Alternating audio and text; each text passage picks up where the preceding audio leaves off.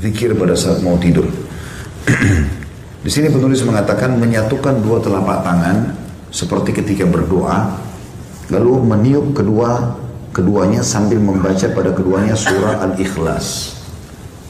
Sudah kita tahu tentunya Bismillahirrahmanirrahim di sini di buku kita ditulis Qul huwallahu ahad, Allahu samad, lam yalid wa lam yulad wa lam yakul lahu kufuwan ahad.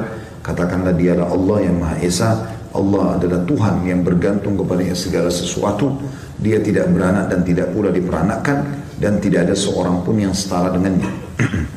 juga dengan Al-Falaq. Bismillahirrahmanirrahim. Qul a'udzu birabbil falaq. Katakan aku berlindung kepada Tuhan yang menguasai waktu subuh. Min syarri ma khalaq. Dari semua kejahatan yang dari semua kejahatan makhluknya.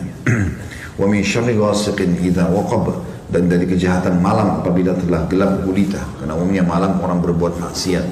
Nah, kita berlindung kepada Allah wa min syarri naffatsati fil uqad dan kejahatan wanita-wanita tukang sihir yang menghembus pada buhul-buhul. Wa min syarri hasidin idza hasad dan dari kejahatan orang yang dengki apabila ia dengki. Begitu juga dengan an-nas bismillahirrahmanirrahim qul a'udzu birabbin nas. Katakan aku berlindung kepada Tuhan yang memelihara dan menguasai manusia. Malikin nas rajanya manusia.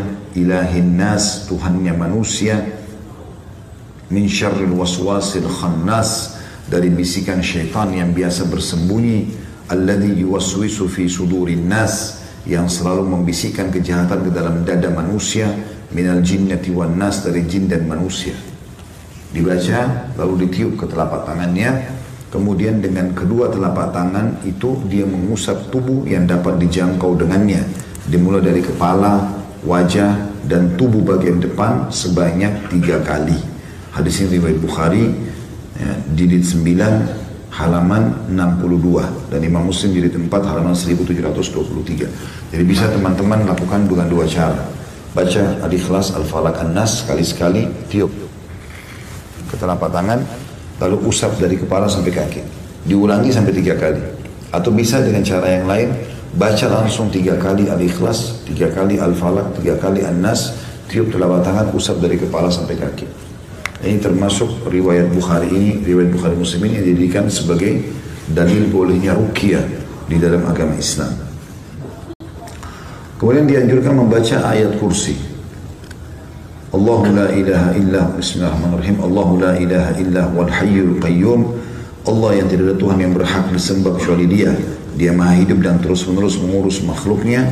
La ta'khudhuhu sinatun wala naum. Dia tidak pernah mengantuk apalagi tidur lahu ma fis samawati wa ma fil ard. Miliknya lah semua yang di langit dan di bumi. Man dzalladzi yashfa'u indahu illa bi'idni. Tidak akan pernah ada yang bisa memberikan pertolongan di sisinya kecuali dengan izinnya. Ya'lamu ma baina aydihim wa ma khalfahum. Dia adalah Tuhan yang mengetahui semua apa yang ada di antara kedua tangan mereka dan di belakang mereka. Wala yuhituna bi syai'in min ilmihi illa bima syaa' dan mereka tidak mengetahui apa-apa dari ilmu Allah melainkan apa yang dikehendakinya. Wasi'a kursiyuhu samawati wal ard. Sungguh maha luas telah pijakan kaki Allah atau kursinya Allah. Ya seluruh langit dan bumi ditutupi atau meliputi seluruh langit dan bumi. Kursi Allah meliputi langit dan bumi. Wala ya'udu hibduhuma wa huwal azim. Dan tidak ada yang merasa berat dan Allah tidak dan Allah tidak merasa berat memelihara keduanya dan dia maha tinggi lagi maha besar. Al-Baqarah 255. Ada footnote di situ bagi yang pegang bukunya, halaman atau footnote nomor 127 di halaman 98. Keutamaan baca ayat kursi kalau mau tidur barang siapa kata Nabi SAW barang siapa membaca ayat tersebut ketika hendak berbaring di tempat tidurnya maka Allah akan senantiasa menjaga dirinya dan syaitan tidak akan mendekatinya hingga pagi hari. Hadis riwayat Bukhari jadi tempat halaman 487. Nah, karena syaitan biasanya datang dalam mimpi, nakut-nakuti, ketindihan, ya, dan segala macam hal. Termasuk dianjurkan adalah membaca beberapa ayat terakhir dari surah Al-Baqarah. Tepatnya dua ayat terakhir ya. Ayat 285 sama 286.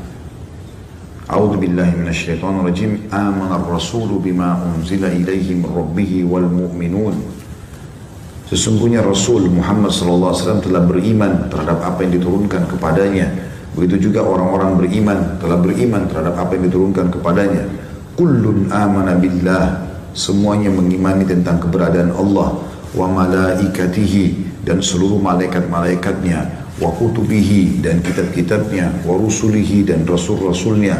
La nufarriqu baina ahadin min rusulih dan kami tidak membeda-bedakan antara utusan-utusan Allah itu.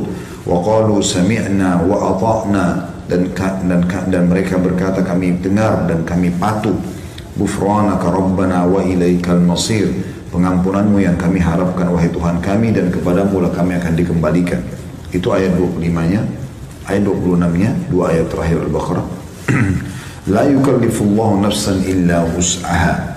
Allah tidak akan membebankan jiwa melampaui kemampuannya. Laha ma kasabat wa alaiha maktasabat miliknya lah. Sesungguhnya ia mendapatkan pahala dari kebaikan yang diusahakannya dan mendapat siksa dari kejahatan yang dikerjakannya. Rabbana la tu la rabbana wa la tu rabbana la tuakhidna. Ya. Laha ma kasabat wa alaihi marzu rabbana la tuakhidna in nasina au akhtana. Kami janganlah kau menghukumi kami karena kami lupa atau kami salah. Rabbana wa la tahmil alaina isran kama hamaltahu ala min qablina. Wahai Tuhan kami, janganlah engkau bebankan kepada kami beban yang berat sebagaimana engkau bebankan kepada orang-orang sebelum kami. Rabbana wala tuhammilna ma la taqata lana bih. Ya Tuhan kami janganlah kau bebankan kami di atas kemampuan kami. Wa'fu anna maafkanlah kami. Waghfir lana dan juga ampunilah kami. Warhamna kasihanilah kami. Anta maulana engkau lah ya Tuhan kami. Fansurna alal kaumil kafirin tolonglah kami dari orang-orang yang kafir. Al-Baqarah 285 286 di situ ada footnote nomor 128 di halaman 101 Hadisnya adalah hadis riwayat Bukhari di jilid 9 halaman 94 dan Muslim di jilid 1 halaman 554. Kata Nabi SAW barang siapa yang membaca dua ayat tersebut di malam hari. Dua ayat akhir Al-Baqarah maka dua ayat tersebut telah mencukupinya. Makna mencukupinya adalah memenuhi segala kebutuhannya dengan termasuk menyelamatkannya dari segala mara bahaya. Jadi kalau dia misalnya naudzubillah terjadi gempa apa dia bisa sempat bangun melarikan diri, intinya dia akan diselamatkan oleh Allah Subhanahu wa taala. Kemudian masuk dalam doa setelahnya adalah tentu ini ada ada banyak riwayat berhubungan dengan masalah ini ya. Di antaranya sabda Nabi SAW, siapa yang membaca dua ayat terakhir Al-Baqarah, maka semua permintaannya akan dikabulkan oleh Allah.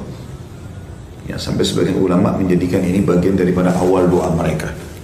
Ya, mereka membaca dua akhir Al-Baqarah, baru mereka sampaikan hajatnya kepada Allah Subhanahu wa.